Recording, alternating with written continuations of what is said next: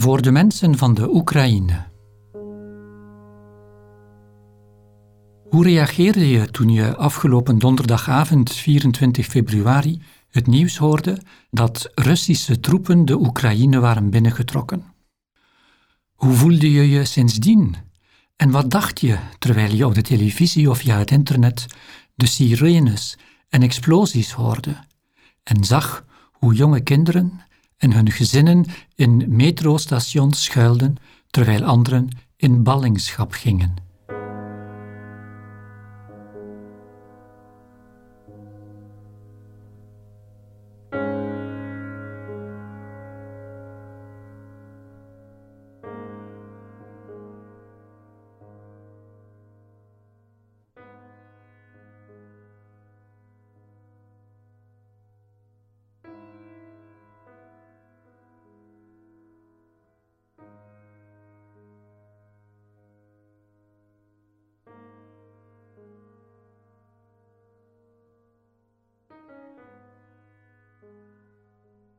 Misschien ben je boos over de schending van de territoriale integriteit van een soevereine staat.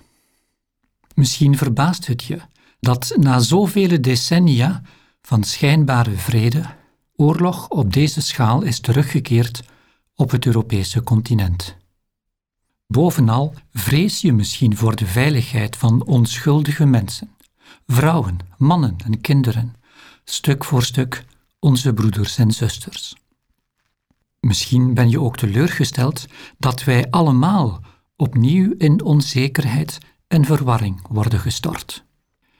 In een tijd als deze hebben de woorden van Jesaja over de komende heerschappij van God een bijzondere urgentie.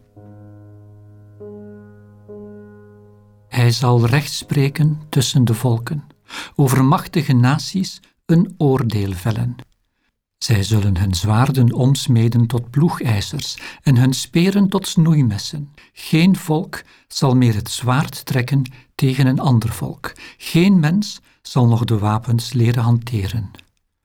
O huis van Jacob, kom, laat ons wandelen in het licht van de Heer. En jouw gebed, hoe is dat op dit moment? Ben je in staat geweest om met Jezus te spreken over hoe je je voelt en wat je hebt gedacht? Of ben je te verward om dat te doen?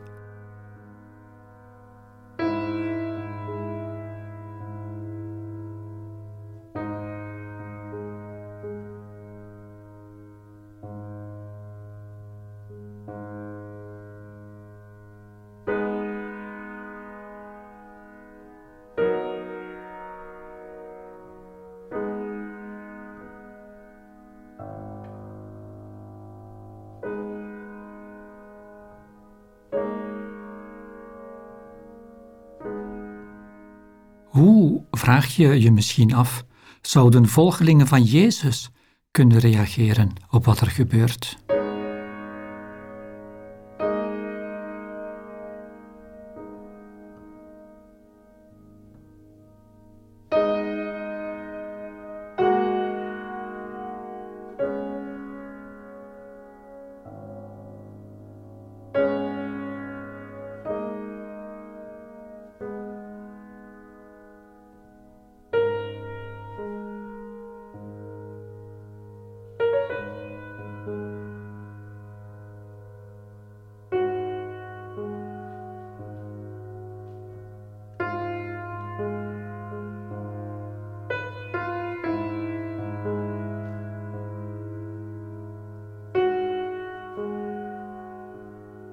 We kunnen schouder aan schouder staan met het lijdende Oekraïense volk. We kunnen onze solidariteit met hen vernieuwen.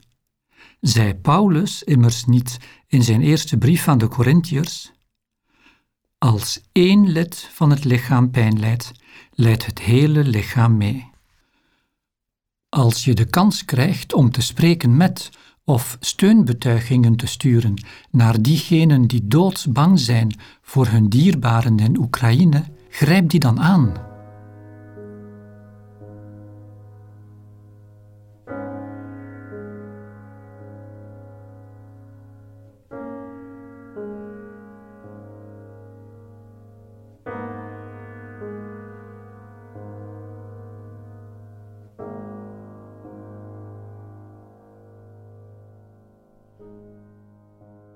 Velen van ons hebben onlangs in de kerk de uitdagende woorden van Jezus horen voorlezen. Heb uw vijanden lief, doe goed aan wie u haten, bid voor wie u vervolgen. Met deze woorden in ons oor kunnen wij bedenken dat wij ruzie hebben met de Russische regering en niet met het Russische volk. We kunnen van hen houden en voor hen bidden. Dat kunnen we zeker, want zoveel van hen zijn ook boos en gekwetst. En wat was het dat Maria zei in haar Magnificat? Hij toont zijn macht en de kracht van zijn arm en drijft uiteen wie zich verheven wanen. Heersers stoot hij van hun troon en wie gering is, geeft hij aanzien. Het recht zal zegevieren, daar zorgt onze God voor.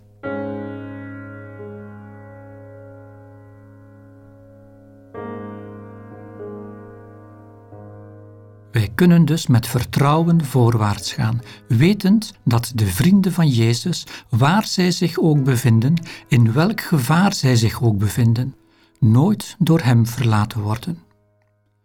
We kunnen denken aan de woorden van Paulus in de brief aan de Romeinen.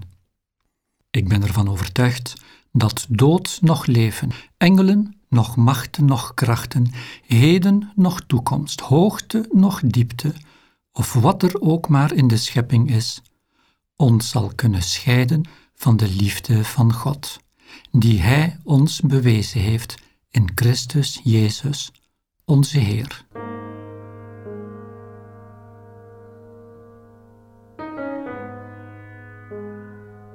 Ja, Jezus is de Heer van alles.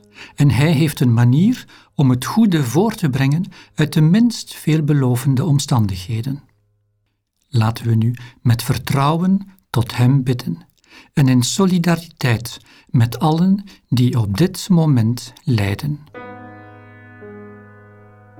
Heer Jezus, U zei: Zalig zijn de armen van geest. Wij smeken U te waken over onschuldige vrouwen, mannen en kinderen, hen te leiden, te bewaren en te beschermen.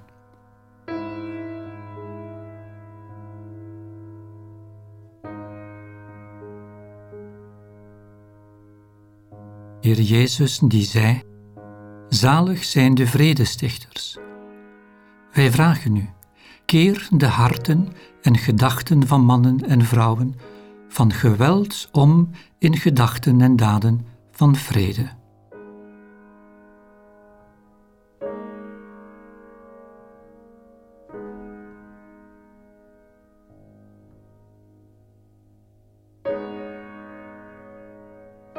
Heer Jezus, u zei: Zalig zijn zij die hongeren en dorsten naar gerechtigheid Inspireer en versterk de mannen en vrouwen die zich inzetten voor vrede en verzoening.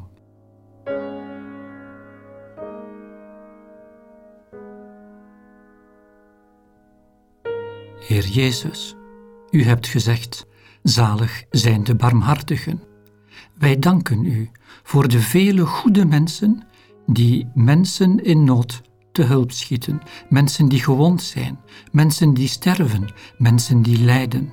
Mensen die van huis en haard verdreven zijn. Mensen die op de vlucht zijn.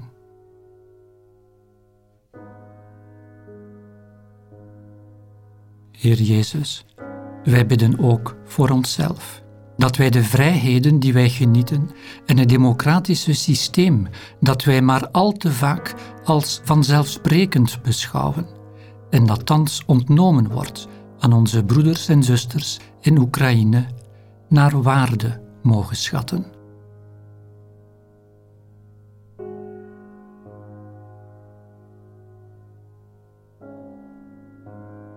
Laat ons nu even in stilte bidden voor hen die het meest in nood zijn op dit moment.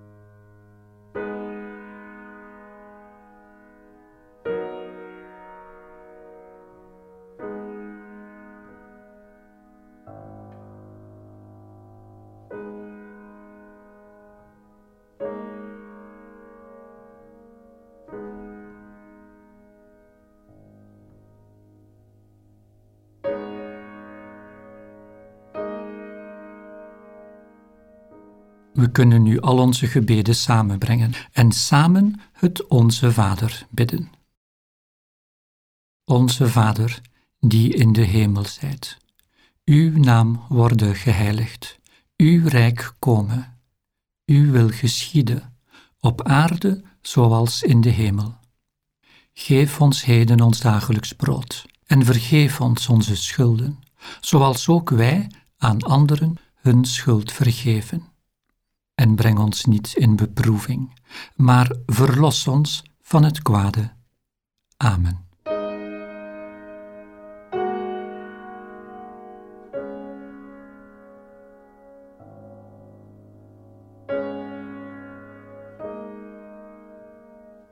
We herinneren ons hoe Jezus zei: Ik laat jullie vrede na.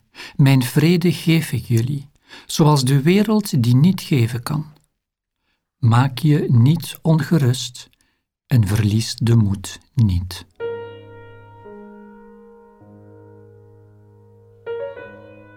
Heer Jezus Christus, die de vredevorst wordt genoemd, die zelf onze vrede en verzoening zijt, die zo vaak gezegd heeft: Vrede zij u.